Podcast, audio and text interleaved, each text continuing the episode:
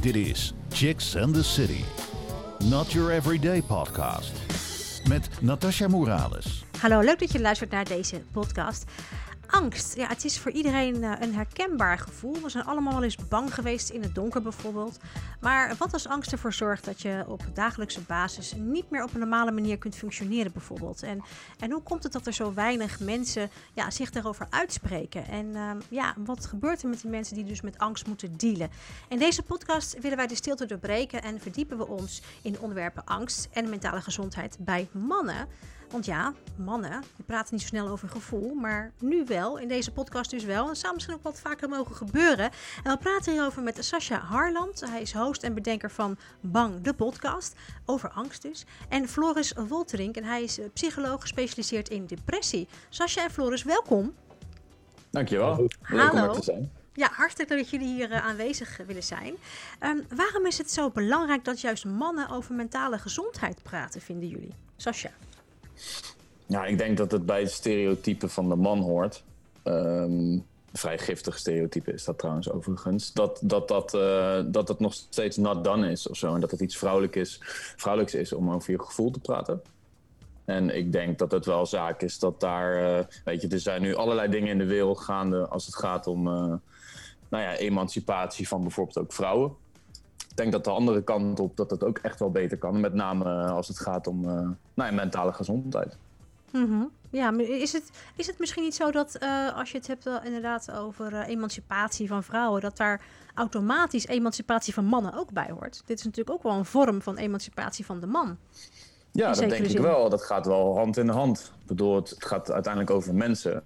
En hoe minder onderscheid je tussen verschillende mensen maakt, hoe beter. Mm -hmm. en, en dat gaat zeker hier ook op, denk ik. Ja. Floris?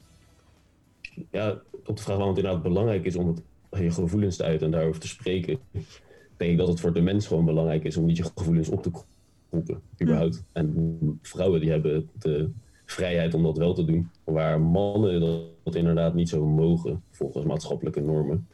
Dat het best goed is om te bedenken of die maatschappelijke normen, nog ergens op slaan. Of dat mannen eigenlijk net zo goed het voor van belang is dat ze hun emoties uiten. Hmm.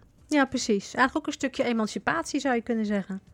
Toch? Ja, en ja. de emancipatie van mannen, daar wordt niet zoveel over gesproken. Want sinds de jaren 70 gaat het heel erg om vrouwen. En dat is ook heel goed. Ik denk dat zoals Janik daar allebei voor kunnen gaan staan, dat dat ook iets heel goeds is. Maar daardoor worden de mannen en hun gevoelens, die hebben daar eigenlijk een beetje niet zoveel ruimte in gekregen. Nee, nee, nee. Dus uh, heel goed dat jullie uh, dit ook bespreekbaar maken. Hè, dus dat mannen over gevoelens mogen praten, dat dat helemaal niet, niet, niet vreemd is. Dankjewel. Fijn dat jullie dat willen doen. Um, het is deze maand ook nog eens iets uh, Movember, Amber. Movember. Ik, Movember. Ik dacht move, move, nee, Movember. Movember. Dus is een, uh, een, een actie die extra aandacht besteedt aan de mentale en lichamelijke gezondheid van mannen. Um, wat vinden jullie van, van deze actie, heren? Ja, ik ben er maar mondjesmaat bekend mee hoor, moet ik zeggen. Maar ik, is dat niet ook dat je je snor laat staan? Ja, ja dat klopt. Je ja. Laat, ja, oh, precies. Ja. Heb je dat ooit gedaan? Uh, ja. Uh, nou, ik, heb, uh, ik ben helaas niet gezegend met een volle baard. Dus ik doe wel eens mijn best. Maar uh, ik word dan al depressief als ik in de spiegel kijk. Dus dat doe ik niet. maar nee, ik, tuurlijk. Maar ik denk dat dat. ik denk voor de awareness dat het goed is om dat weet je, als een soort, uh, soort actie dan te koppelen aan een maand. Maar ik denk dat het, uh, dat het goed is om daar ook in december en januari nog steeds mee bezig te zijn, zeg maar. Ja, dat moet niet alleen maar in uh, november te zijn, nee. zeg maar. Ja, ja. ja, ja precies. Uh, Chicks in City is een meidenparticipatieproject. Dat betekent dat uh, meiden meewerken en alle, ja, alles hier doen. En eigenlijk deze show hebben samengesteld en gemaakt. En de meiden die vandaag mee presenteren zijn Amber en Cheyenne. Dames, hallo. Hallo. Hallo. Cheyenne, ben je er ook? Zeker. Ja, zeg eens wat, want dan kunnen we je ook zien. nou, ik zit nu lekker thuis, hè. jammer genoeg niet in de diep. Maar uh, het is even niet anders. Nee, precies. Dat is wel, uh, dat is wel weer jammer. Maar dit is ook wel weer grappig op deze manier. Hè? Het is wel weer eventjes... Uh... Ja. Cheyenne, vertel eens even iets kort over jezelf. Nou, ik ben Cheyenne. Ik ben 21 jaar. Ik kom uit Rotterdam en deel van Chicks in the City en Chicks in the City podcast. Helemaal goed. En Amber? Ik ben Amber. Ik ben 23 jaar net geworden. Of net paar, een paar weken geleden. Um, en uh, ik uh, ben ook alweer een aantal jaar onderdeel van Chicks in the City. Ja, precies. En dames, hoe, hoe kijken jullie naar, uh, naar de onderwerpen angst en mentale gezondheid onder mannen? Cheyenne? Ja, het is niet echt iets wat vaak aan bod komt, zeg maar. Je ziet altijd wel, als er op tv-programma's over mentale gezondheid wordt gesproken, is het eigenlijk altijd wel dat er vrouwen aan bod komen. Maar met mannen, ja, je weet dat het er is, maar er wordt inderdaad nou niet echt over gepraat. Nee. Nee, dat, dat valt mij ook wel op. Het is vaak vrouwen die je dan eh, voorbij ziet komen. En als het mannen zijn, dan zijn het vaak een beetje de, een beetje de aparte Nou, gevallen. Dat nou, je wat, denkt wat, van... wat hmm, mij opvalt is dat mannen dan als ex, of ja, meer als eh, experts daar worden neergezet van een psycholoog of een psychiater. En vrouwen als ervaringsdeskundigen. hmm. Ook niet helemaal eerlijk, hè? Nee, Jongen, jongen. voor beide kanten niet. Nee. En dat een man ook niet als ervaringsdeskundige daar kan gaan zitten en vrouw niet als expert. Nee, nee, nee, nee, precies. Nou, ik zei het Mag net ik al. daarop inhaken? Wat zeg Oh, je? Mag ik daarop inhaken? Tuurlijk, Tuurlijk. tuurlijk. Ja, dat in mijn eh, werkgebied het wel echt juist voornamelijk inderdaad vrouwen zijn. Wat ook heel erg laat zien dat het voor een vrouw normaal is om psycholoog te worden en over gevoelens te praten. Maar voor mannen niet. Zoals ik in mijn team werk ik met 16 mensen waar ik de enige man ben. oh, Wauw. Wow. Ja, Kan je en zo is nagaan. het eigenlijk overal in de geestelijke gezondheidszorg. Wat eigenlijk ook laat zien inderdaad dat het voor mannen niet zo mag om over gevoelens te praten voor je werk. ontmoedigt dat dan ook niet een beetje dat jij dan als enige man daar zit? Of juist niet. Of juist Nee, niet, ja. Dat je ja. denkt van, nou, ik voel me als een vis in het water. Al die vrouwen om me heen. Eh, ik voel me wel als een vis in het water, want ik ben opgegroeid met gescheiden ouders en vooral bij mijn moeder en mijn twee, tussen twee zussen in. Dus ik voel me wel erg op mijn gemak eh, bij vrouwen. Ja. Misschien dat dat er ook aan heeft bijgedragen. Ja, maar het is niet dat je je een beetje eenzaam voelt. Zo van, goh, ik, ik ben wel de enige man hier in het team. Nee, het wordt wel vaker gevraagd, maar dat is eigenlijk nooit het geval. eh. dat gevoel is er eigenlijk niet. Nee. Nou, dat is dan wel weer fijn, toch? Dat je... Ja, vind ik wel goed. Het Maar is ja, fijn om alleen te voelen vooral. Maar het zou wel leuk zijn als er ook wat, wat meer mannelijke collega's... eh, Ik wil net zeggen, toch? echt een oproep van kom op. Weten. Ja, kom op, weet Mannelijk je wel. Nederland, ga Hoppakee. psychologie studeren. Precies, dat dus. Nou, ik zei het net al, in verband met de aanges- aangescherpte maatregelen, coronamaatregelen, is de Bibliotheek Rotterdam gesloten. Daarom is er vanavond ook geen publiek aanwezig hier natuurlijk. Maar niet getreurd, je kunt nog steeds live meekijken via onze Facebookpagina. Wij zijn Rijnmond Chicks op Facebook. En ehm, als er kijkers zijn die graag een vraag willen stellen aan Sascha Hartland, of, eh, sorry, ik zeg het helemaal verkeerd. Ja, nee, ik zeg. Sascha Harland. Sascha Harland, ja precies. En Floris Wolterink. Dan, dan kun je die stellen via de comments eh, sectie van Facebook Live. En wie weet beantwoorden we dan ook jouw vragen in deze show. Wij willen ook graag van jou horen. Daarom heb jij in Ask the Audience de mogelijkheid om vragen te stellen aan jouw favoriete Chicks and the City gast. Misschien wordt jouw vraag wel beantwoord in onze volgende podcast. We verloten wekelijks ook leuke prijzen onder de mensen die gereageerd hebben. Je kunt een toffe DVD winnen van de meiden van Chica Radio en een Chicks and the City lipbalm. Ideaal voor de wintermaanden. Reageren kan. Ga naar Rijmond Chicks op Facebook of op Instagram. Chicks and the City Podcasts. Wil je weten wie er de volgende keer te gast is? Check het op chicksandthecity.nl. Je luistert naar Chicks and the City. En dan is het tijd eh, voor de eerste vragen. Cheyenne, ga je gang. Yes. Floris, die is aan jou. Eh, jij bent psycholoog gespecialiseerd in depressie, maar heeft angst of een angststoornis daar dan ook mee te maken? Eh, ja, je zou kunnen zeggen dat angst en depressie eigenlijk broertjes zijn van elkaar. Je ziet vooral bij chronische depressie bijvoorbeeld dat 80% van de mensen ook een angststoornis heeft. Nu is angst natuurlijk echt een heel groot begrip. En zit er eigenlijk bij iedere depressie wel een vorm van angst. Misschien spreek je dan niet van een angststoornis, maar zijn er bij heel veel depressieve mensen wel gedachten over niet goed genoeg zijn of bang zijn om te praten in het openbaar of bang zijn om mensen te verliezen, verlatingsangst. Dus angst is wel eigenlijk echt een heel groot thema, ook in een, in depressie. Oké. En bij wie eh, komt angst dan het meest voor? Bij de man of bij de vrouw? Is dat gewoon heel verdeeld? Eh, ik heb daar toevallig een leuk artikel laatst gelezen over in de NRC.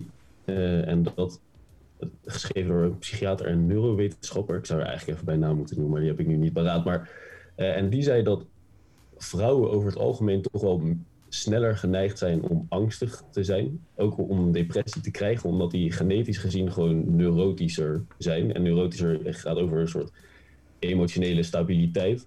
Waarin vrouwen eerder gevoelig zijn voor stress en mannen eerder eh, dat wat minder hebben. waardoor een vrouw wat sneller geneigd kan zijn om angsten te ervaren. En dan bedoel je eigenlijk mee dat vrouwen misschien wat sneller ehm, ja, meer in hun hoofd gaan zitten ook. Is dat het ook een beetje? Van dingen onder controle willen houden, dingen regelen, in hun hoofd zitten, uh, stress daarvan krijgen. En mannen hebben toch wat sneller zoiets van, ah, kom wel goed.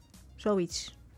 Toch? Wat, ja, wat, wat meer dat... dat je, je, praat inderdaad eigenlijk over piekeren.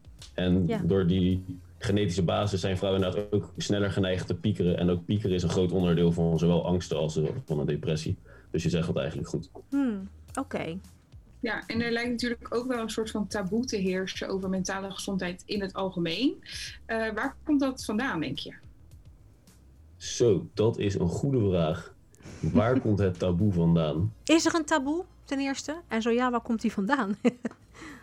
uh, ik denk wel dat er een taboe is.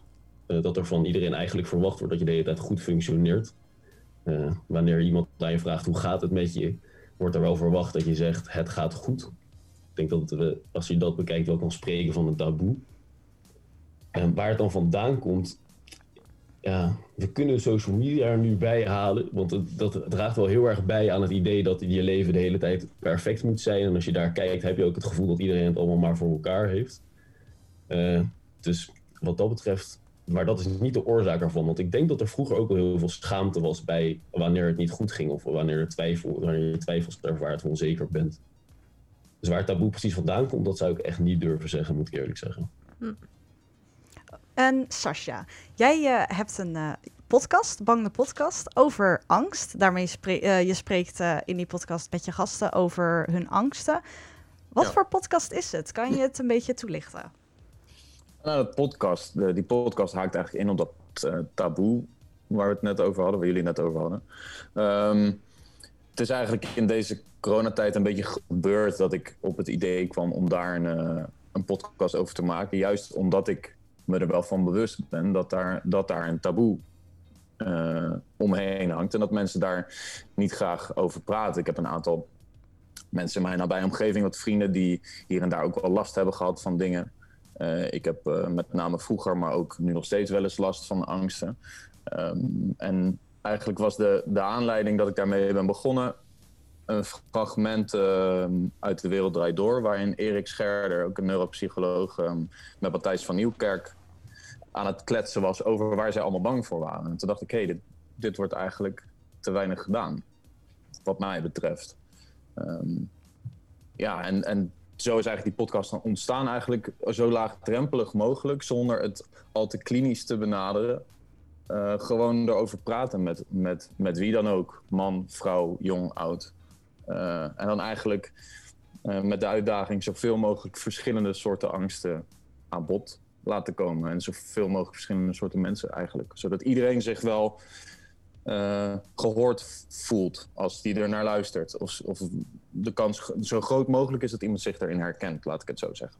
Ja, want jij zegt dat je zelf dat taboe dat je op dat in je omgeving ziet, dat dat, dat heerst. Op, op welke manier zie je dat? Waar komt dat vandaan? Nou, toevallig in samenhang ook met deze podcast. Ik heb uh, toen een beetje onder mijn Instagram-volgers geïnformeerd van... joh, wie zou er met mij hierover willen praten in podcastvorm? En toen waren er toevallig al twee voorbeelden van mensen die zeiden... ja, ik zou er best over willen praten, maar ik ben, ben toch wel bang voor de reacties van mijn omgeving. En uh, ook een heel aantal mensen had het over hun werk van, ik, ik ben bang dat het invloed heeft op mijn nou ja, professionele leven. Op het moment dat zoiets gepubliceerd wordt, waarin ik eigenlijk heel erg open ben over dingen die er nou ja, hmm. achter mijn werkende zelf schuilen. Dat snap ik wel. Zeg maar het, het, het, het, het beeld uh, dat collega's of uh, nou ja, zakencontacten of zo kunnen hebben van jou. Uh, als ondernemer of werknemer of wat dan ook. Dus ik, ik kan me daar wel iets bij voorstellen. Is dat iets wat jij ja. snapt? Dat je zegt van ja, ik snap het wel dat mensen dat hebben? Ik snap het, uh, ja, ik snap het zeker. Kijk, op werk wil je natuurlijk uh, de werkende versie van jezelf zijn. Hmm. En, en thuis, weet je, mensen die kinderen hebben, die willen thuis de vader of de moeder zijn. Um, en ik denk dat dat verschillende versies van jezelf zijn, waarin je nou, bepaalde dingen op de voorgrond stelt en bepaalde dingen misschien liever op de achtergrond houdt, omdat ze nou ja, niet, niet ter zake doen. En um, ik snap dat heel goed, dat mensen dat niet per se open en bloot zouden willen, uh, zouden willen nou ja, vertellen en iedereen laten weten. Maar dat is tegelijkertijd ook meteen, denk ik, het probleem. Je, ik pleit niet per se voor dat iedereen op de werkvloer maar moet, moet zeggen waar hij allemaal bang voor is. Maar meer dat het, dat het, überhaupt, dat het überhaupt wel, wel kan en dat je, dat, dat je er niet bang voor hoeft te zijn dat het je op wat voor manier dan ook in de weg zou zitten. Meer dan de angst zelf je in de weg zit. Ja, ja, precies. Eh, ja. Nou, ik denk dat dat wel is, iets is waar we aan kunnen werken en aan moeten werken. En heb je het gevoel dat, ehm, omdat jij zelf ook in het verleden angst hebt gehad, dat, dat- jij daarom ook misschien een soort van de aangewezen persoon kan zijn om deze podcast eh, ja, te hosten? En, en wa- waarom dacht je van, ik ben, ik ben de persoon die deze podcast moet opzetten? Ehm, nou, ik weet, niet, ik weet helemaal niet of ik die persoon ben. Alleen ik, ik zag dat hij er nog niet was. En eh, ehm, ik denk dat het, dat je iedereen zou dat, zou dat in principe kunnen beginnen. En ik denk dat uiteindelijk bijna alle mensen wel ervaringsdeskundigen zijn als het op angsten aankomt. Ik, ik ken weinig mensen die. nou, je hebt wel eens mensen die nooit piekeren. Of, of waarbij, nou ja, die, die zich gewoon minder druk maken dan andere mensen. Maar die, die hebben vast ook wel eens. Weet je, je hebt mensen die zijn bang voor sollicitaties. Ik, ik, ik ken niemand die nooit eh, bang is geweest. Was je verbaasd dat er helemaal nog geen podcasts waren over angst? Nou, ergens, ehm, weet je, de afgelopen jaren is, is er heel veel, ehm, nou ja, eh, mentale gezondheid is toch wel een soort hype ge- ge- geworden. En, en een hele goede hype over het algemeen. Net als gezond eten, veel sporten en zo. Dus je de afgelopen, eh, het afgelopen decennium kijkt, dan is dat toch wel een ding. Er zijn allerlei boeken geschreven en iedereen, eh, iedereen leest die ook. En iedereen gaat eh, op een, eh, een retreat in Bali en komt her- als herboren terug, zeg maar. om het eventjes ja. gekscherend te brengen. Maar, en ik denk, nou ja, dat dit wel een goede toevoeging is. Maar je vroeg ik verbaasd was. Dat, ja, ergens, ergens had ik wel verwacht dat daar iets... Er zijn heus wel podcasts die over eh, mentale gezondheid gaan. Maar letterlijk in deze vorm eh, bestond die nog niet, nee. Oké. Je luistert naar Chicks and the City. Cheyenne. Ja, Floris, is het voor mannen daadwerkelijk moeilijker om te praten over eh, de mentale gezondheid? Of is dat maar gewoon iets wat we ons zomaar aannemen? Ehm, ik denk dat we wel krijgen aangeleerd dat we, het niet de bedoeling is om als jongen over je gevoelens te praten. Wat je al heel vroeg ziet in de opvoeding is dat meisjes, wanneer die ergens mee zitten, worden die op schoot genomen en worden die geholpen en worden die uitgehoord. Terwijl als een jongen een beetje aan het huilen is, wordt er eerder gezegd, stel je niet zo aan of hier, los het zelf maar op. Eh, dus wat dat betreft lijkt het me wel dat ons aangeleerd wordt dat het moeilijker is om over emoties te praten. Ehm, ik wil nog ook inhakend op wat Sascha net zei, waar ik heel erg mee eens ben, is dat we eigenlijk moeten stimuleren om juist wel over zwaktes te praten. Want er bestaat een soort rare, raar idee of een rare tegenstelling dat we het idee hebben dat wanneer je zwakte toont, dat je dan niet sterk bent.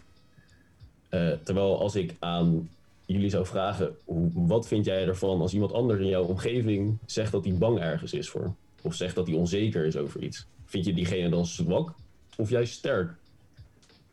Ja, het, het, het, kan, het, het, kan natuurlijk juist een hele erge eh, eh, kracht uitstralen hè, als, je, als je je openstelt. Maar ik moet zeggen dat dat wel iets misschien is ehm, dat je daar pas op die manier in staat of naar kunt kijken op het moment dat je dat zelf ook hebt meegemaakt of zo.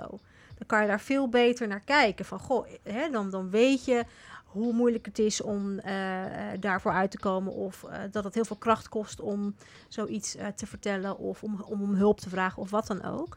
Nou, wat mij ook opvalt is dat mensen zich heel vaak excuseren voor... Sorry dat ik onzeker ben. Sorry dat ik bang ben hiervoor. Of ja, sorry. Dat, dat, Ja. dat, terwijl dat eigenlijk ook een soort van eh, gelijk dat taboe ook best wel versterkt. Als jij eh, gaat excuseren voor je zwaktes. Alsof het niet goed is. Wat er Inderdaad. gebeurt, Ja.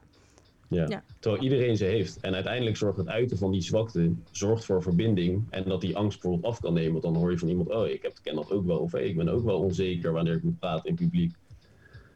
Dus er bestaat een idee dat het uiten van zwakte of angst, dat dat iets slechts is. Terwijl het eigenlijk zorgt voor het gevoel van verbinding. En dat het misschien wel meevalt hoe eng het allemaal is. Ja, daar ben ik het wel mee eens inderdaad. Want ik weet dat toen ik inderdaad Sascha's podcast ging luisteren, dat ik ook heel veel dingen dacht, tegenkwam of hoorde dat ik dacht, oh ja, oh dat herken ik, oh gelukkig, ik ben daar niet de enige in. En inderdaad, dat, dat versterkt dan toch ook wel dat je denkt van oké, ik ben niet alleen en er zijn meer mensen die, die dat hebben en die daar zo over denken en naar kijken. Ja, daarom is het zo'n mooi initiatief van Sasha. Omdat in die eenzaamheid wordt angst alleen maar groter. En door, die, door dat gevoel van erkenning van hé, hey, ik ben niet alleen, daardoor wordt die angst eigenlijk minder. Want daardoor voel je alsof je normaal bent. Mhm. Terwijl als je het onbesproken laat, dan, dan viert die angst soort van dat het gewoon die kan doen wat hij wil. Dat moet we op Ja, een en dan krijg je een soort, eh, geef je je hersenen een soort vrijbrief om, eh, om daarop door te, eh, of op voor te borduren, zeg maar. Ja. Ja, het wordt menselijker zo. Ja. En Sja- ja, ja. angst is al veel gevallen. Maar wat is angst eigenlijk? Floris, kan je uitleggen hoe het precies werkt? Ja, deze vraag heb ik veel over nagedacht. Wat is angst precies? Eh, en ik wil daar eerst bij zeggen dat angst is zo groot en breed dat niemand alles over angst weet. Mhm. Er zijn heel veel verschillende soorten angsten. Nou, laten we het En- dan eventjes een, beer, een beetje meer, ehm eh, hoe zeg je dat, Ehm, nou ja, to- toespitsen op een bepaalde vorm. Ehm, Ja. Laten we uitgaan van het soort angst wat eh, je belemmert in je dagelijks leven. Hè? Dat, dat, dat, dat- iedereen is wel eens bang om dit of dat Ja. of zo. Dat is allemaal niet hè, een, een, ramp, zou ik kunnen zeggen. Maar het is natuurlijk pas een probleem op het moment dat, je, ehm, dat het je leven beïnvloedt op een manier dat je niet meer op een normale manier je dingen kunt doen als dat je die zou willen doen. Toch? Dat klopt, hè? Ja, dan komen ze op een Dat gegeven moment bij jou terecht, toch? Van, hé, hey, Eh, ja, wat, wat moet Ja, ik hiermee? Help je, hebt mij. je, je hebt je goed ingelezen. Ja, Eh, want dat klopt inderdaad. Kijk, normaal gesproken, iedere emotie heeft een functie. Eh, wanneer je blij bent, laat dat je zien dat je ergens om geeft. Wanneer je eh, boos bent, laat het zien dat je ergens door gekwetst wordt. Of dat je jezelf moet beschermen. En wanneer je bang bent, zorgt dat eigenlijk voor dat je actief bent. Want je, of dat het aangeeft dat je weet wat belangrijk is. Eh, en iedereen kent die bangheid. Iedereen kent die angst. Maar inderdaad, op het moment dat je gedrag gaat veranderen, of dat je dingen gaat vermijden of niet doen eh, door angsten, dan praat je op een gegeven moment over een angststoornis. Maar daarvoor, dat is heel erg een, een graduele lijn. Je zit er op een spectrum. Eh, dus iedereen kent angsten, maar op het moment dat het je echt in de weg zit, en zoals jij al zegt inderdaad, Natasja, dan Mhm. praat je over een stoornis. Maar daarvoor moeten we eigenlijk onze angst omarmen. En denk van waarom ben ik bang? En waarom zet, vind ik dit kennelijk belangrijk? Want iedereen heeft die angsten. Eh, en als je gaat vermijden en je gedrag gaat veranderen door de angst, dan wil ik heel erg mensen aanmoedigen om inderdaad gewoon hulp te gaan zoeken en er met mensen over te gaan praten heel erg. ja, ja. Want eh, ja, de, de vraag van Cheyenne was eigenlijk van... Kan je een beetje een beeld geven van wat angst dan precies is? In de zin van, ehm, wat is het probleem? Wat, wat maakt het een probleem voor mensen? En eh, wat voor invloed kan angst hebben op het leven van iemand? Nou, Ik, ik denk dat, dat het ex- in het meest extreme geval dat angst ervoor kan zorgen dat je gewoon de deur niet meer uit durft. Ja, dat je een soort van pleinvreesachtig iets eh, krijgt. Straatvrees, zoiets. Ja. Ja. Ja, je kan pleinvrees hebben, maar je kan ook bang zijn voor honden en daarom de straat gewoon niet meer op te durven, omdat je het idee hebt dat er misschien een hond gaat komen. Mhm. Eh, ja, het werkt gewoon heel invaliderend. Want je, je durft dingen gewoon niet meer aan. Of je durft niet meer op feestjes te komen. Je durft je vrienden eigenlijk niet meer te zien. Omdat je bang bent, ja, straks zeg ik iets raars en dan gaan ze bij me weg. Mhm. Eh, Of dus je krijgt dat het paniekaanvallen of zo, dat hoort, dat hoort daar ook bij, toch? Dat dat zou kunnen. Dat je dus Sorry, ik miste het eerste deel van wat dat je paniekaanvallen krijgt. Dat, dat kan er ook bij horen. Eh, dat kan een gevolg zijn. Eh, Mhm. Dat is het niet. eh, er is wel een verschil tussen een paniekstoornis en een angststoornis. Mhm. En paniekaanvallen kunnen voorkomen bij een angststoornis, maar dat hoeft niet per se. Angststoornis, of dus inderdaad bij een angststoornis, als ik het goed begrijp, ga je ook eigenlijk al op voorhand vermijden. Ja, precies. Uit angst voor een mogelijke dreiging. Ik had iets heel interessants gelezen dat eh, in Amerika, in het Engels, praat ze over anxiety en fear. En Ja. het disorder heet anxiety disorder. En fear betekent gewoon angst voor een dreiging. En anxiety eh, dat betekent angst voor een mogelijke dreiging in de toekomst. Hmm, Ah. Dat is het ver. Ja, ja. Ja, en Ja. In, het, in het Nederlands is er niet echt een goede Nee. eh, synoniem. Dat is het probleem. Er is geen. angst. Ja, precies. Ja, Er is geen, Alleen, goede, geen goed verschil. Misschien is vrees een ding dat je vreest voor iets, maar angst Ja. en vrees is ook wel een beetje hetzelfde. Vreesangst klinkt een beetje raar ook. eh. Toch? ja. Ik vrees voor angst, ja. ja, ja. Maar je zei net ook dat ehm, paniek dan een gevolg kan zijn. Kan het ook andersom zijn? Dat je angstig wordt van paniek?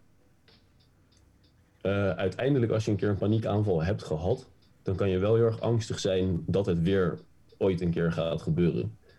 Eh, zeker als een paniekaanval komt meestal plots, zonder aanleiding. Eh, en daardoor krijg je dan heel erg dat gevoel van dreiging dat het iedere, ieder moment weer zou kunnen gebeuren. Dus je kan wel bang worden van de paniek zelf. Ja, precies. Dat is En een antwoord ehm, vraag. nee, dat, dat is prima. Eh Sascha, is er ooit een angst geweest waarvan jij het gevoel hebt dat het je heeft tegengewerkt in je leven? Eh goeie vraag. Ja. Ehm, even zien. Ja, ik heb wel nou, echt tegengehouden, denk ik niet. Nee, eh, oh, ik denk het enige wat er wel is gebeurd is dat ik er, er later door ging slapen. Omdat het eh, te laat door ging slapen. Omdat het eh, ehm, vaak, ik heb wel gepiekerd over bijvoorbeeld de gezondheid van mijn ouders. Ehm, en dat gebeurde eigenlijk altijd op het moment dat ik eigenlijk moest gaan slapen. Hmm. Eh, en nou ja, voor ik het wist, was het een uur later.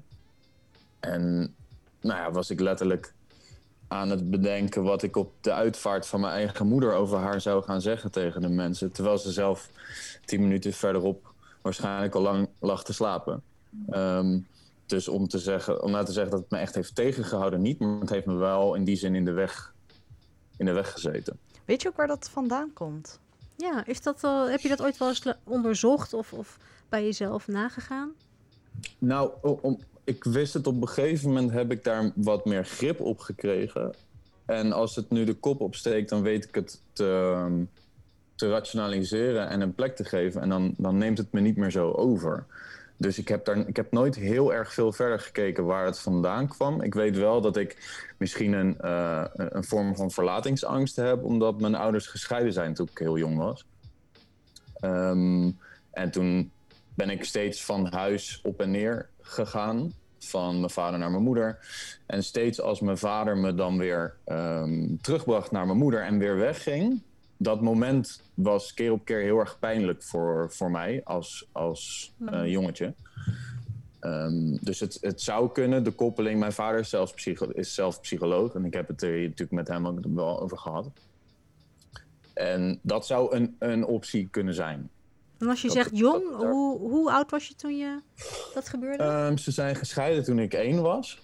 En ik denk dat dit de eerste paar jaar daarna was dit gewoon een thema. Het is altijd dat heen en weer. Op een gegeven moment was het het weekend bij mijn vader, door de week bij mijn moeder. Op een gegeven moment werd dat week week. En het werd een beetje normaler natuurlijk, want je went eraan.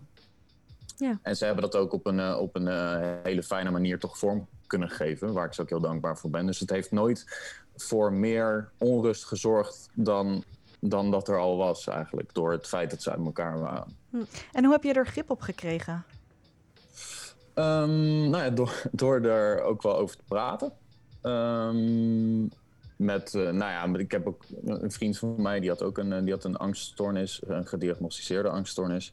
Dus deze, de, nou ja, binnen mijn omgeving is er hier en daar wel over, ge- over gepraat. En ehm, inderdaad, jezelf, volgens mij zei je dat net ook, Floris, eh, jezelf vragen, afvragen waarom, waarom ben ik bang en, en waarom doet mij dit iets? Dus eigenlijk uitzoomen van je angst en er proberen op neer te kijken. En oké, maar waarom denk ik dit? Wat voor zin heeft het?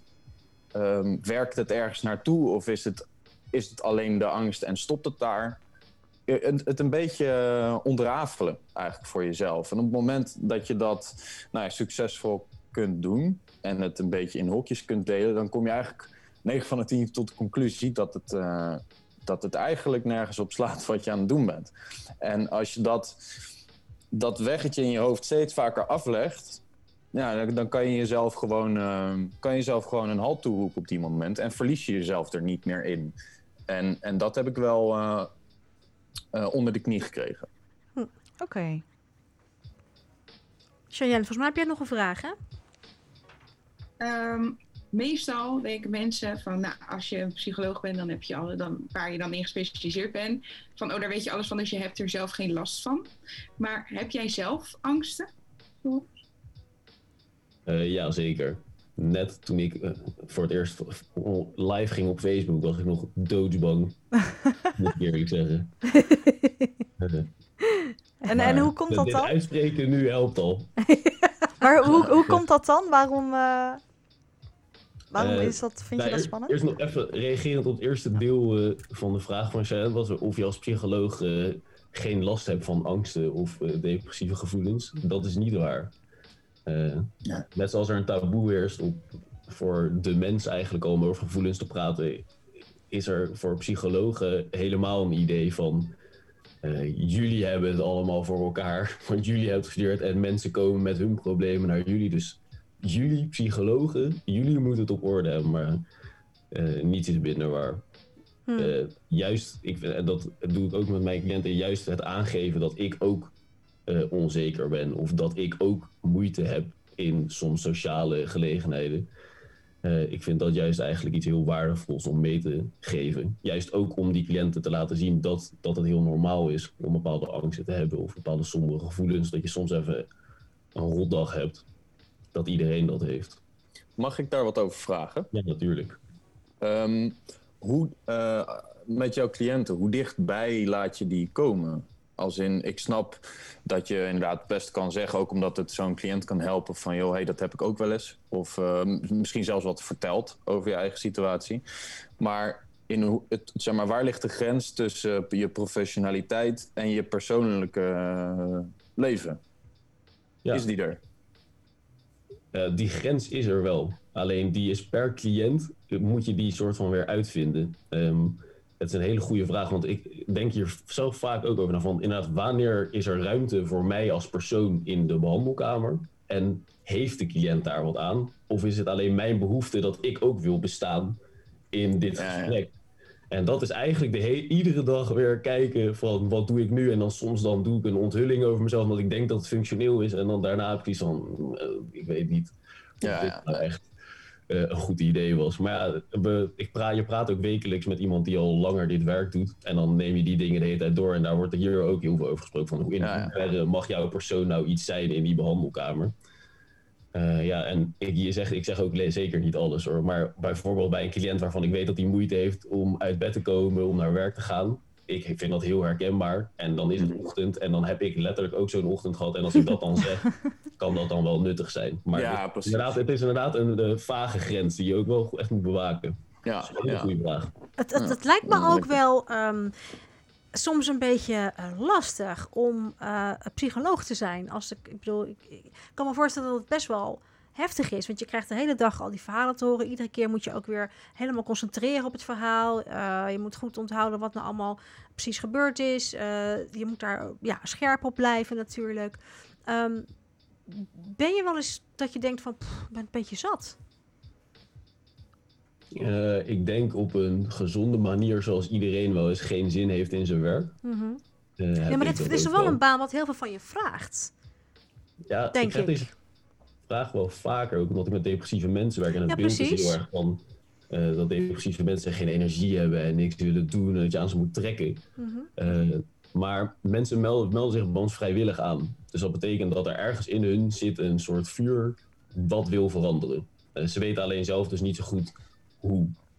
Eh, en wat ik voel in de behandelkamer is meestal gewoon energie van iemand die, eruit, die, die wil verandering en die wil eruit komen, alleen die weet gewoon niet hoe.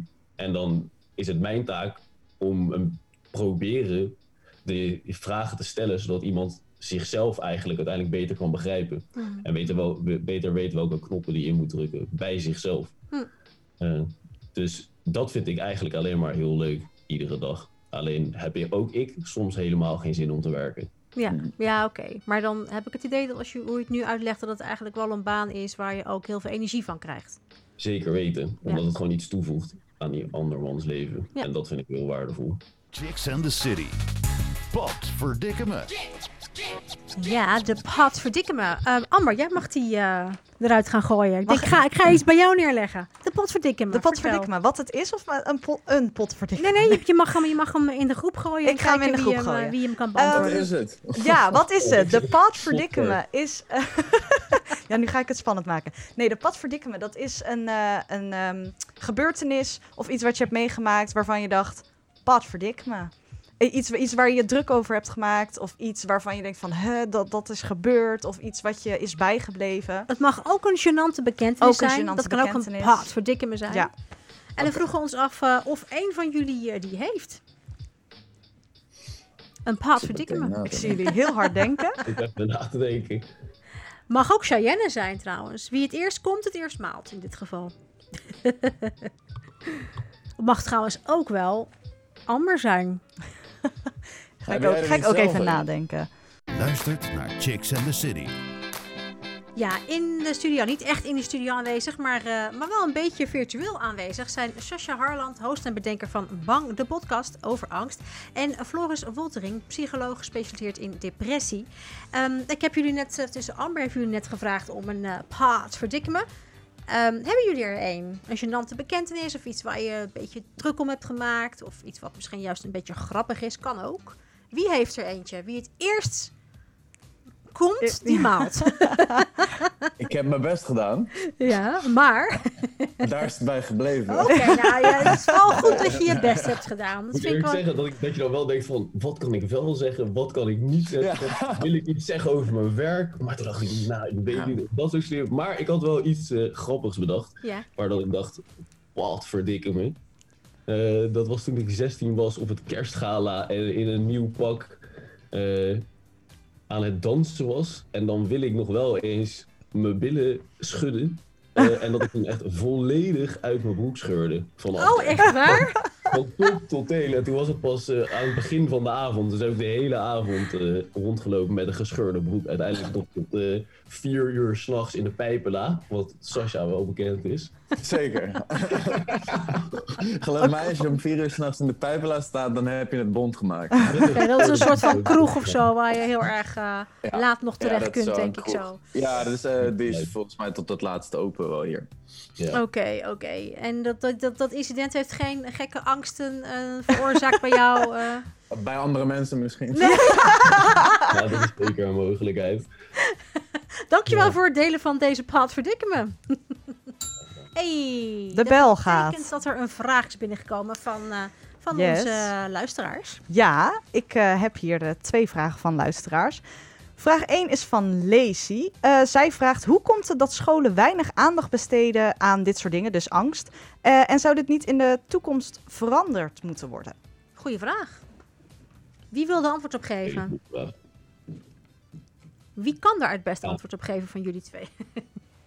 Ja, dat, dat weet ik niet. Eh, Dat weet ik ook niet, maar ga je gang.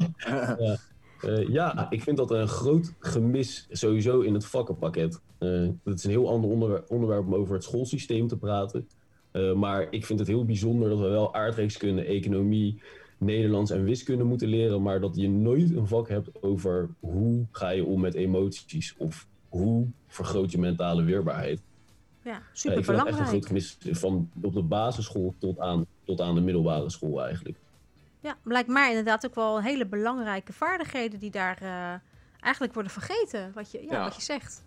Ja. ja, sowieso denk ik inderdaad, het is een totaal andere discussie. Maar het schoolsysteem, hoe dat nu is ingedeeld, is, al, is, is wat mij betreft verjaard. En volgens mij ben ik daar niet alleen in. Ehm, maar ook, weet je, bijvoorbeeld, er zijn ongelooflijk veel mensen tegenwoordig ondernemer. Je leert op school echt niet hoe je btw-aangifte moet doen. En dit is net zoiets. Dit is, van, dit is ongelooflijk belangrijk. Dan, ik denk veel belangrijker dan, eh, dan leren ondernemen. Maar het is ook iets wat, wat volgens mij een update zou kunnen gebruiken. En misschien dat het ook helpt met het do- doorbreken van het taboe. Als we er, als het Ja, school, de school ook zou ondersteunen van hè, je mag erover praten en we kunnen hier gewoon open over zijn. Ja. Ja, ja, zeker. En ik denk ook thuis overigens. Ik denk dat het, eh, dat, dat nou ja, hand in hand gaat. Mhm. Ja. Ja. En dan heb ik nog eh, een vraag van Lia. Ehm, kan angst voortkomen eh, uit eh, het verliezen, dat, dat je een angst hebt om controle te verliezen? En wat is dan het ergste wat er kan gebeuren? En dat is denk Volgens mij, ik... Ja. volgens mij wel. Maar ik denk dat Floris hier misschien eh Ja. Ja, ik denk beter antwoord op kan geven. Ja. Ja, het lijkt me dat een angst om controle te verliezen is ook al een angst. Ik denk dat het in hele heftige mate, eh, noemen we het obsessieve compulsieve stoornis, OCD in het Engels.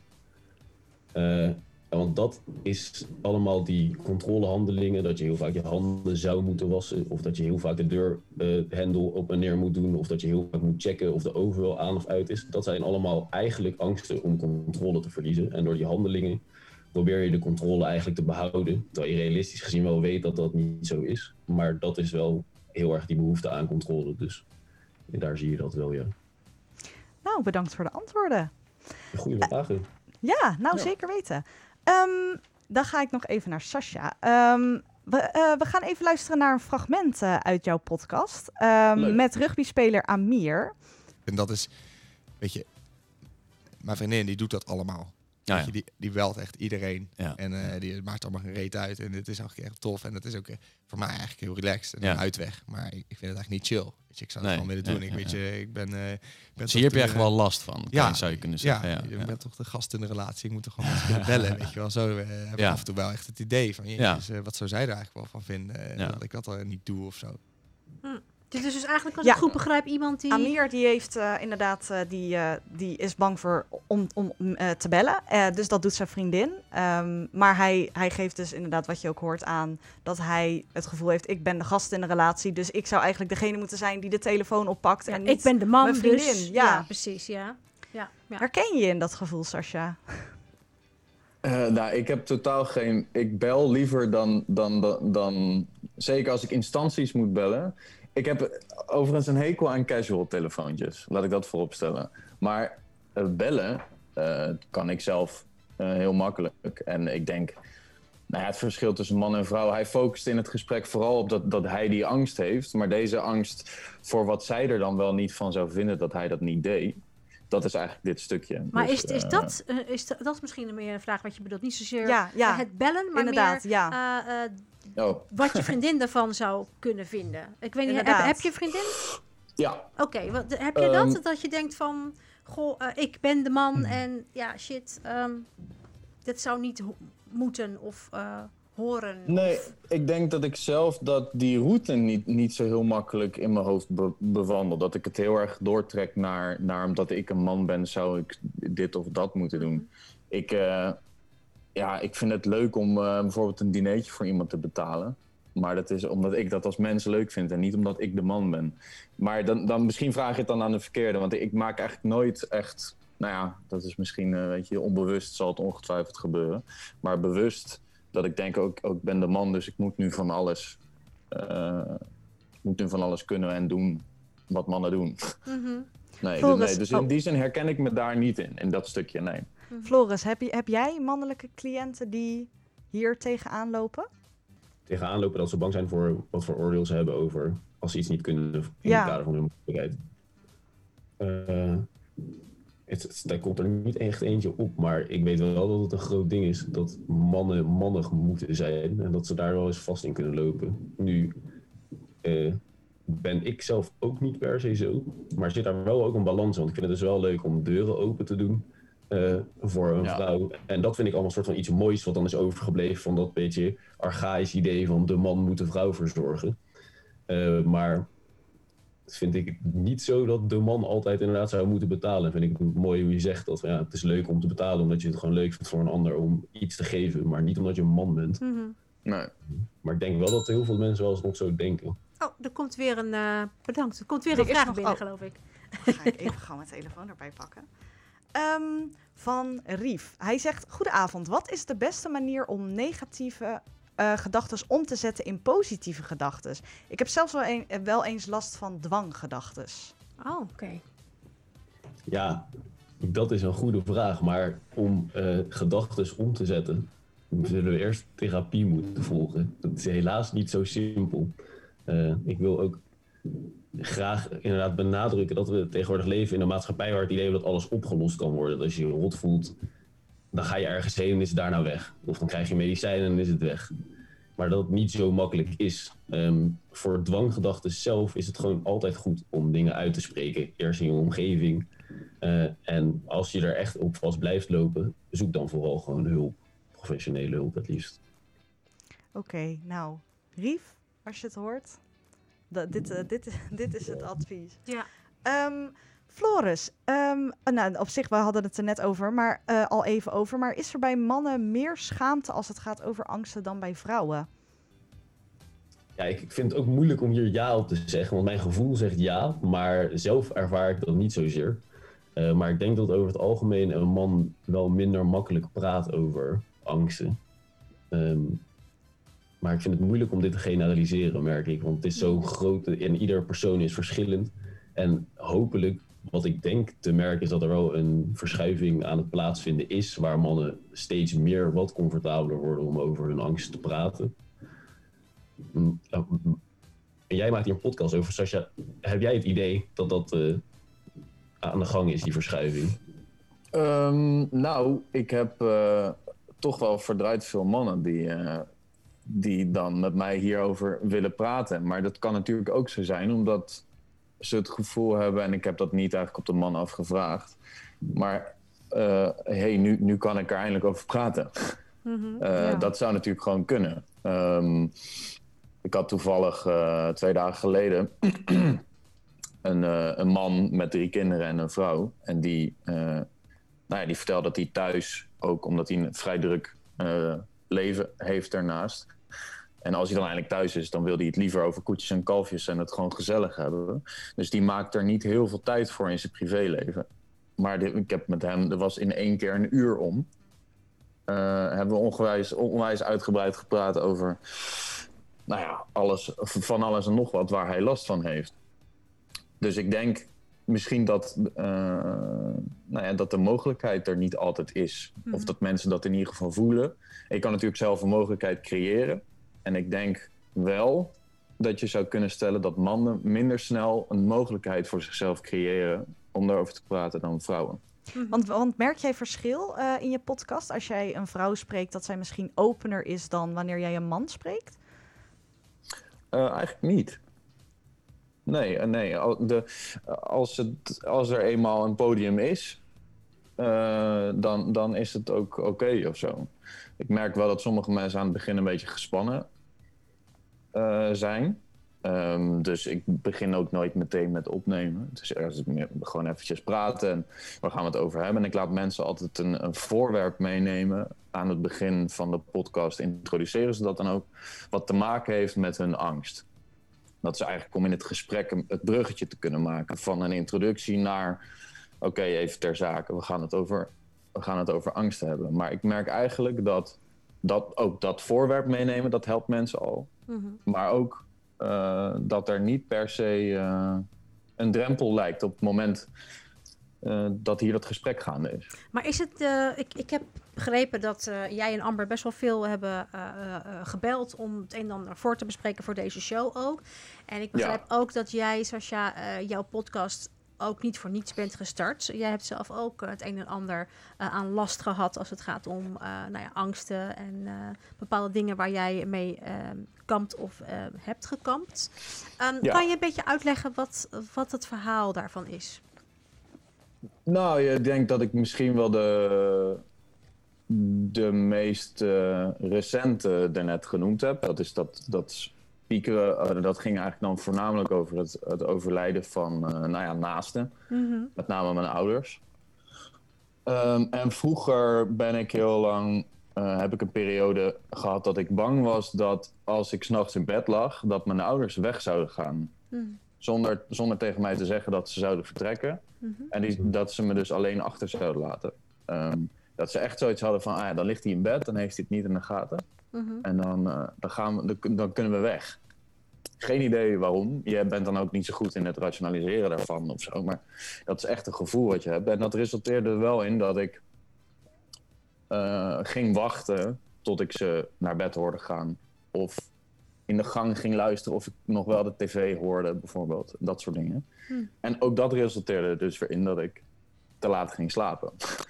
Ehm, en volgens mij, dat het weet Floris ongetwijfeld, dat als je weinig slaapt, dat je ook eh, sneller kans hebt op negatieve gedachten. Ehm, of zelfs depressiviteit als je structureel te laat of te weinig uh, slaap Ja, volgens mij is Dus het dat- allemaal dat wel, wel invloed op elkaar natuurlijk. Hè? Weinig slapen, dat doet iets met je, met je Ja. gemoedstoestand eh, Ja. sowieso. Maar eh, eh, denk je dat het ook een, een, een invloed heeft, een positieve invloed in dit geval, dat jij ja, toch ook wel jouw verhaal kunt delen met de mensen die je uitnodigt? Dat, dat zeg maar mensen zoiets hebben van ja, eh, met hem kan ik praten, want ja, hij, hij heeft ook dingen, zeg maar. Ja, nou, het, de grap is dat ik eh, toevallig de aflevering die ik vorige week online heb gezet. Dat was eigenlijk de eerste podcast waarin in iemand tijdens het opnemen ook vroeg van. eh, en heb jij er dan ook wel eens last van? Die stelde vraag terug. Het was een jongen die zelf ook een podcast had, dus die was gewend om in die vorm te, te praten. Eh, maar ik wil eigenlijk één, één aflevering wijden aan mijn eigen angsten. En dan wil ik ook misschien die jongen, Pepijn Tiggers was dat, uitnodigen. Om mij dan de vragen te stellen. Want om eerlijk te zijn, ehm, tijdens de gesprekken heb ik wel toch wel een beetje de instelling: het gaat even niet om mij. Mhm. Als ik inderdaad, wat Floris zei, als ik erop in kan haken, dan doe ik dat. Ja, Maar niet, eh, ik wil inderdaad ervoor waken dat het niet eh, wordt, oh ja, want ik besta ook nog. Eh, Nee, oké, maar dat is niet wat ik bedoel. Ik kan me voorstellen dat het misschien in de manier van mensen benaderen voor een podcast. Hè, van hey, Mhm. Eh, wil je met mij praten over angsten? En dat, dat het in, in, in dat voorgesprek misschien aan de orde zou kunnen komen. Zodat het misschien toch een drempel Ja. verlaagt voor mensen. Van oh ja, nou, Ja, hij, snapt het wel. Ja, toch? Dat, Ja, ja, dat denk ik zeker. En ook het feit dat ik mensen bij mij thuis uitnodig. Ja. En ze zien mijn bed staan en mijn wasmachine. ja, Eh, dan is het ook dat wel het, heel het anders. is geen steriele studioruimte Nee. met oké, nu gaan we eens even hele persoonlijke dingen bespreken. Precies. Eh, dus, dus dat is ook een beetje het stukje wat ik. Ja, ik heb zoiets van: ja, je mag ook een deel van mij zien. En ik wil ook met jou hierover praten als het eh, op mijn angst aankomt. Maar doe vooral je verhaal. Dus ik, ik probeer het wel op die manier een beetje in te bedden. Ja. Ik snap hem. Ik hoorde het belletje een ja, tijdje geleden we gaan. hebben weer een kijkersvraag Eh, voor Sascha. Ehm, Ja. Heb jij hulp gehad, Sascha, bij eh, die angst waar je het net over had? Wordt er gevraagd. Of heb je er zelf mee leren omgaan? Ehm, nee, ik heb geen professionele hulp gehad. Als, als dat, of hij of zij dat bedoelt. Eh, maar ehm, ik heb altijd een, wel een goede vertrouwensband met mijn ouders gehad. Wat ik net ook zei, mijn vader is psycholoog. En, eh, en mijn moeder is iemand die heel makkelijk over haar gevoel praat. Ehm, dus ik had eigenlijk van beide, van beide kanten kon ik heel veel al kwijt en, en daar ook wel over leren. Daarbij heb ik ook een aantal goede vrienden gehad die, die wel behandeld zijn, ook voor bepaalde dingen. En het is nooit zo geweest dat het me dusdanig in de weg heeft gezeten dat ik dacht, ik, eh, ik, ik heb echt hulp nodig. Ehm, professionele hulp nodig. Ik kon altijd wel eh erover spreken en heel uitgebreid over spreken. Met nou ja, de mensen die ik op dat moment en nog steeds eh, om me heen heb. Dus ik heb er wel hulp bij gehad. Zo zie ik dat wel echt. Eh, alleen geen professionele hulp. Oké. Was dat het? Ja, Nou, dat was hem. Helemaal goed. Is er nog een Dat vraag van jullie eh, Hey. in dit... eh, Als ik daar even Oh. mag aan. Oh ja, tuurlijk. Ja, ja, ja, ja. Ja, eh, dat dat ook een beetje een taboe is. Het vragen om hulp. Hmm. En dat wanneer je dat mensen ook aanleert, eh, kunnen ze zichzelf al heel goed helpen. Mhm. En dan wil ik ook nog even over de behandeling van angst. De meest gangbare en zeer effectieve behandeling is exposure therapy. Het jezelf gewoon blootstellen aan de angst die je hebt. Dus stel je bent bang voor honden, dan gewoon met een chihuahua beginnen te knuffelen en dat steeds een beetje uit te bouwen. Eh, en als je dat zelf niet kan opbrengen of dat heel veel moeite mee hebt, dan kan je professionele hulp zoeken. Maar ik wil mensen ook gewoon heel erg aanmoedigen om als je een beetje bang bent voor een sociale situatie of je bent bang voor een hond, ga het aan. En ondanks dat je dan heel veel spanning ervaart, hoe vaker je het aandurft te gaan, hoe lager de spanning wordt. Mhm. En hoe, zo kan je uiteindelijk je eigen angsten overwinnen door eh, exposure therapy bij jezelf te doen. Mhm. Lukt dit niet, zoek dan vooral hulp. Goed advies. Ja, ik wil toch nog eventjes, want we hadden net een vraag van iemand, ik weet even niet wat de naam van die persoon was, over dat eh, die persoon uh, dwanggedachtes eh, eh, heeft. Hey, Rief, ja. Ehm, ik, ik voel me toch, ik heb toch het gevoel dat het niet helemaal ehm, eh, goed, ja, ik weet niet. Ik wil daar nog, toch nog even wat, wat, wat, wat verder op, op ingaan. Ehm, is er iets anders wat die persoon misschien zou kunnen doen nu? Want je zegt, ja, die moet professionele hulp gaan halen, maar ik vond het zelf een beetje kort door de bocht. Ehm, wat zou die persoon nu misschien ja, kunnen doen als, als stapje op dit moment, zeg maar. Naast het feit dat hij misschien kan gaan uitzoeken van... goh, waar kan ik misschien terecht om te praten met een psycholoog of, of wat dan ook. Nou, ik vind het goed dat je erop terugkomt. Ja, ik, had zo'n gevoel. Ik denk, ik moet, Ja. dan ga ik dat gewoon doen, ja. Goed. Ja. Zo iemand die zo'n vraag stelt en zich kwetsbaar opstelt. Dat bedoel ik. En toen dacht ik van, het voelde een beetje te snel. eh, ja, uit. ja, ja. Eh, ja, nou ja, inhakend op wat ik net zei over exposure therapy. Dwanggedachten gaan heel erg, ik moet dit doen, anders gaat iets fout. Kan je ook met kleine stapjes beginnen te oefenen van wat gebeurt er als ik het maar een beetje uitvoer. Wat ik denk dat ik moet doen om, om, een- om een eh, ramp te voorkomen. Dus toch een beetje oefenen met wat gebeurt er op het moment dat ik het niet doe. Dus jezelf een beetje de, de, de, de kant op dwingen eigenlijk. Een beetje Ja. uitproberen van... Ja, gewoon uitproberen. En ondanks dat het Ja. misschien veel spanning oproept, omdat je het eng vindt, toch even dat proberen uit te zitten. En op het moment dat je dan het niet hebt gedaan en waar je zo bang voor bent, is niet gebeurd, eh geeft dat weer je kans om te leren van hé, hey, het is eigenlijk niet gebeurd waar ik zo bang voor was. Mhm. Dat is iets waar je al zelf mee zou kunnen oefenen. En is dat dan, is er misschien ook nog iets ehm, waar je ehm, hulp bij zou kunnen vragen bij een vriend of een vriendin? Of, Ja, kijk, dit is het onderdeel van het uitspreken van deze angst. Dat zorgt ervoor dat je anderen in staat stelt om jou te helpen. Mhm. Je geeft, dus op het moment dat jij met iemand anders deelt, ik heb hier moeite mee, dan kan die ander heeft dan de gelegenheid om te zeggen, oh, nou, ik kan je wel helpen. Of misschien weet ik wel iets. Of die zegt, oh, ik was bij een hele goede psycholoog die me hiermee geholpen heeft. Eh, Ja. Dus wat dat betreft, het uitspreken en dan samen een beetje oefenen met die dingen die we net bespraken, dat lijkt me alleen maar nuttig. Ja, Ja. duidelijk. Nu, ik heb er nu weer een, een heel fijn Inderdaad, gevoel nee, bij. goed dat je er nog Dankjewel. even Een gevoel heb dat ook. Ja, ja, ja, dankjewel, dankjewel. Voor degene die de vraag stelde, daar gaat het om. Ja, ja, precies. Nee, Ja. maar dat, dat, het gaat inderdaad niet om mijn gevoel. Maar ik heb het gevoel Ja. dat we het nu al ehm, ja, gewoon goed hebben beantwoord. Ja, zeker waar. Je luistert naar Chicks and the City. Ehm, Cheyenne, volgens mij ben jij weer aan de beurt, hè? Eh, sorry, ik heb een vraagje aan jou. Ik heb zelf ook eh, een tijdje therapie gevolgd vanwege angst en eh, paniek. En voor mij had ik wel eens dagen, dan kwam ik daar en de ene week was het een, heel, een heel, hele sessie lang alleen maar huilen. En de andere keer was het wel gewoon dat ik over kon praten. En hoe is het bij mannen? Eh, ja, weer is het beeld natuurlijk heel erg verschillend per man. Ehm, en eerder ging het ook nog over of Sascha merkte dat mannen of vrouwen mannelijk makkelijker of moeilijker praten tijdens de podcast. En ja, ik merk wel, en misschien dat komt dan door of de genetische aanleg of door hoe de maatschappij ons vormt, maar dat mannen wel minder eh, begaafd zijn in het omschrijven van hun gevoel over het algemeen omdat vrouwen toch door hun leven heen dat vaker mogen doen, zijn die er ook soort van getrainder in. Eh, dus dat merk je wel. En het verschil bij mannen, dat die toch wat moeilijker bij hun emotie kunnen, soms. Verder wilde ik dan even aan jou vragen, Cheyenne. Vind jij dan de dingen die ik nu zeg, dat je zoiets hebt van, oh, hier had ik iets aan gehad in die tijd? Dat Ja, ik therapie had. Ehm, toen ik merk, eh, ik, alles wat je zegt, heel veel dingen, daar eh, vind ik mezelf wel in terug. Want zo had ik eh, bijvoorbeeld dat ik het eng vond op een gegeven moment om in de bus te gaan. En ja, als ik moest werken, dan moest ik toch echt met de bus. Mhm. En ehm, ja, toen was het ook gewoon een kwestie van het wel doen.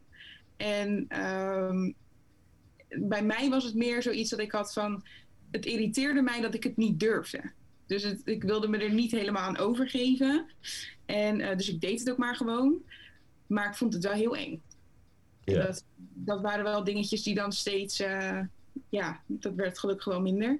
Maar ik heb ook aan het begin gehad dat ik gewoon al twee weken alleen maar thuis zat. Omdat ik het niet durfde, zeg maar. En wat gebeurde er dan met jou, Cheyenne? Eh, ja, had je dan paniekaanvallen? Hoe, wat, wat gebeurde er met je? Kan je het een beetje... trouwens heel eh, mooi en, en, en tof dat je dit zo deelt hè, met ons allemaal. Sowieso, Zeker. dankjewel.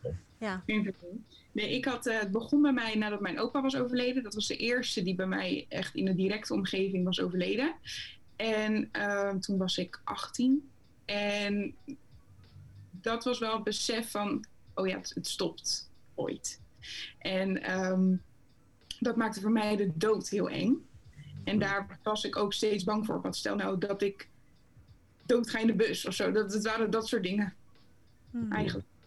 Ja. En ehm, ja, toen eh, ben ik gestopt met mijn opleiding, omdat dat ook niet heel veel positieve ja, energie met zich mee eh, gaf, zeg maar. Dat liep ook niet heel soepel. En ehm, dat was trouwens ook al voordat ik die eh, paniekaanvallen kreeg. En ehm, toen ben ik meer gaan werken en in de horeca. En ik ben, wist wel van mezelf dat ik ben heel erg gevoelig voor ehm, geluid als het heel veel is. En ja, als je dan in de horeca gaat werken, dan zit je er sowieso wel mee. En ik wilde daar wel mee leren leven. En ehm, ik werkte daar in de horecazaak waar ik van meer ging werken. Daar zat ik wel al alleen op de vrijdag.